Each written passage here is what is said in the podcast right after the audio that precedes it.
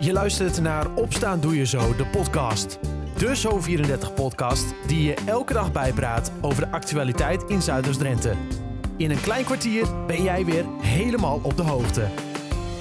Het is donderdag 9 december 2021. Dit is Opstaan Doe Je Zo, de podcast, aflevering 94. De dag begint met een beetje zonneschijn, maar tegen de middag verdwijnt deze achter de wolken.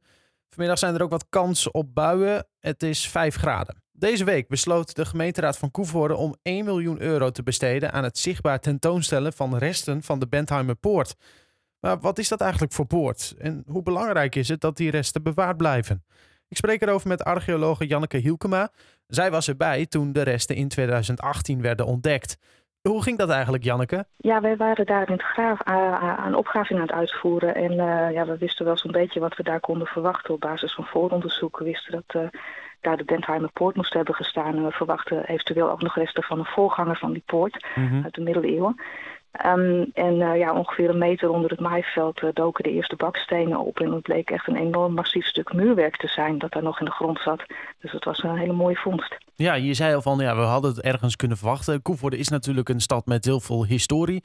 Uh, die Bentheimer Poort, wat, wat deed dat eigenlijk precies? Is dat dan, moet ik het zien als een soort toegangpoort tot de stad? Ja, dat klopt. Uh, het was natuurlijk een, een belangrijke vestingstad uh, en met enorme wallen en, en, grachten eromheen. En je had aan de zuidzijde dus vanaf de Duitse kant kon je via de Bentheimerpoort de stad inkomen. En aan de andere kant via de Friese poort kon je nou ja, richting het noorden reizen. Ja. Uh, dus je wat... had eigenlijk maar twee plekken waar je de stad in of uit kon. Ja, en dit was dan uh, een van die plekken. Um, op het moment dat je zoiets dan ontdekt, hè, als archeologen zijnde, hoe bijzonder is dat dan eigenlijk? Want, uh, nou ja, de, de leek zou zeggen, maar dat zijn toch gewoon stenen? Ja, maar het heeft natuurlijk een enorme historie. Kijk, het is heel belangrijk geweest voor de stad Koevoorde dat die poorten er waren om de stad te beschermen. iedereen die erin of uit wou, die kwam langs die poort. En uh, ja, dat dat dan nog zo mooi bewaard in de grond is gebleven. Dat, ja, ik had niet verwacht dat het nog zo groot en massief zou zijn. En, ja, we hebben natuurlijk ook gelezen dat het afgebroken is rond uh, 1870. En dan weet je natuurlijk niet ja, hoe ver zijn ze daarmee gegaan. Mm -hmm. Maar uh, ja, er zit nog uh, tot meer dan 2,5 meter diep zit dat muurwerk nog in de grond. Ja, en, en wat kun je daar dan nog aan zien zoveel jaren later? Ja, je kijkt natuurlijk naar welke bakstenen hebben ze gebruikt, op wat voor manier is het opgemetseld. Uh, we hebben gezien dat het, uh, de muren dan weer rusten op houten palen. Er zitten balken onder en daar nog weer aangepunte palen onder. Dus het is een hele constructie. Ja. En dat vertelt ons natuurlijk ook wel over de bouwwijze in die periode. Ja, daar kun je dus zeg maar als uh, archeoloog ook weer van leren of zo. Of hoe moet dat zien? Ja, zeker. Ja. Want volgens mij 2020 zijn nog weer resten van de Friese poort gevonden. Maar ik denk dat dat alleen aan de bovenzijde is geweest. Daar was ik dan zelf niet bij. Mm -hmm. Kijk, en daar konden ze waarschijnlijk niet zo diep graven, maar we, hebben nu de gelegenheid om echt de diepte in te gaan en te kijken van ja, hoe ziet het eruit? Uh, aan de ene kant uh, van die, van die uh, poort lag dan de gracht, dus daar haal je dan ook nog allerlei vondsten uit. Ja. Ja, En, en, en, nu wordt het uh, zeg maar uh, tentoongesteld dan uh, voor, voor het publiek. Um, wat, wat, wat, zou, wat zouden mensen daarover kunnen leren, zeg maar, behalve dan alleen ernaar kijken? Want, want ik kan me voorstellen dat er, wat je al zegt, er zit heel veel historische waarde achter. maar stel, mensen lopen daar langs in twee zinnen. Wat, wat is hetgeen wat je vooral ervan kunt leren? Um, nou, ik denk toch wel de belangrijkheid van, van Koevoorde als vestingstad. Kijk, de, het was een van de mooiste vestingsteden van Nederland. En ik denk dat Koevoorde daar best wel trots op mag zijn. Mm -hmm. En ik denk dat het voor de bewoners ook hartstikke mooi is om dat te kunnen zien. Toen we daar aan het graven waren, hebben we ook enorm veel aanloop gehad van mensen die het prachtig vonden om te kunnen kijken naar hun eigen oude stadspoort. Ja, ik neem aan dat, je dat, dat jij als archeoloog zoiets dan ook prachtig vindt uh, om, om te zien. En ook dat dat dan bewaard blijft. Want dat, dat is denk ik toch ook wel uh, belangrijk. Neem aan dat jij als archeoloog toch wel vindt dat het, nou, dat het belangrijke waarde heeft dat dit soort dingen bewaard blijven. Ja, dat het op een of andere manier zichtbaar blijft. zeker is het mooi. Ja, ik, ik, ja, nu ik hoor dat het dan bewaard kan blijven en zichtbaar voor mensen die er langskomen, denk ik van ja, dat is echt wel wel mooi dat we dat dan gevonden hebben en dat het voor de toekomst zo zichtbaar blijft. Ja, dat mensen daar gewoon uh, naar kunnen blijven kijken. Um, is eigenlijk, uh, ik heb geen idee of je dit weet hoor, maar die vraag die schiet mij ineens te binnen. En ik kan me voorstellen dat andere mensen daar ook over nadenken. Is eigenlijk alles al gevonden rondom Koevoorde? Of zijn er nog heel veel verborgen schatten? Hoe groot is de kans dat er nog veel meer is? Oh ja, ik denk dat er nog wel van alles te vinden is. Kijk, eh, net binnen de boord hebben we uh, allerlei resten van soldatenbarakken gevonden en de woning van de commandant. Ja, dat soort dingen heb je binnen in de stad uh, natuurlijk gehad.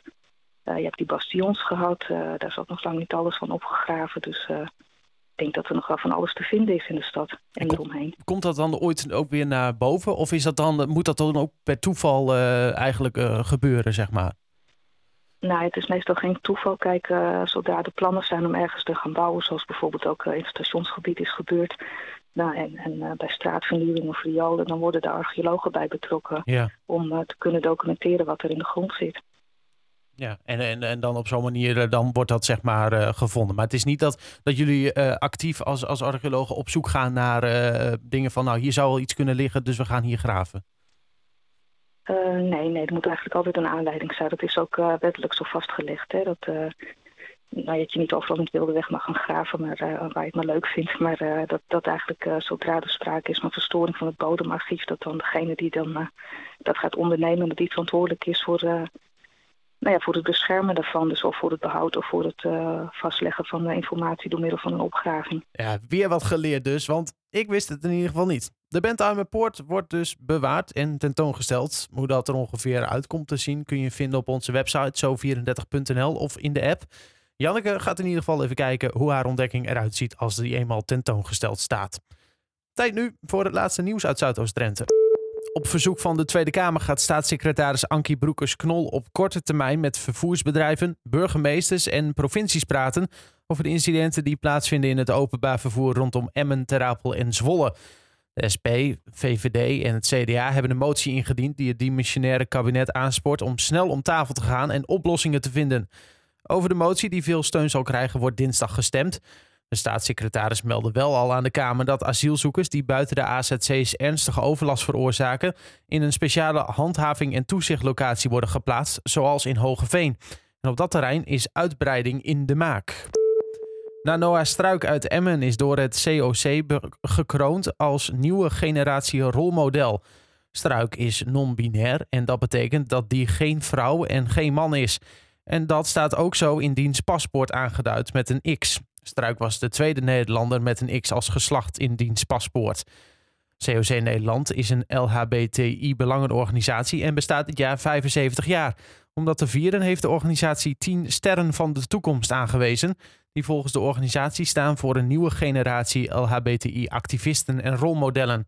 Naast Noah Struik vallen ook Nicky de Jager en Splinter Chabot daaronder. En om de aanhoudende stroom aan incidenten op de spoorlijn Emmen-Zwolle de kop in te drukken, krijgen treinstewards van Arriva een beperkte geweldsbevoegdheid. Dat schrijven demissionair minister Vert Grapperhaus en staatssecretaris Ankie Broekers-Knol in antwoord op Kamervragen. Arriva is blij met de toekenning van de geweldsbevoegdheid. Concreet houdt die in dat treinstewards die al BOA's zijn, worden uitgerust met handboeien en dat zij mogen fouilleren. Arriva benadrukt dat het bedrijf de bevoegdheid heeft aangevraagd voor alle BOA's en niet alleen voor die op de spoorlijn Emmen-Zwolle. De BOA's krijgen de bevoegdheid pas als ze daarvoor zijn opgeleid. Wanneer, wanneer deze kan worden ingezet is daarom nog onduidelijk. Het laatste nieuws uit de regio kun je altijd lezen op zo34.nl of in de Zo34-app. Tot zover opstaan doe je zo de podcast van donderdag 9 december 2021. Een fijne dag en tot morgen.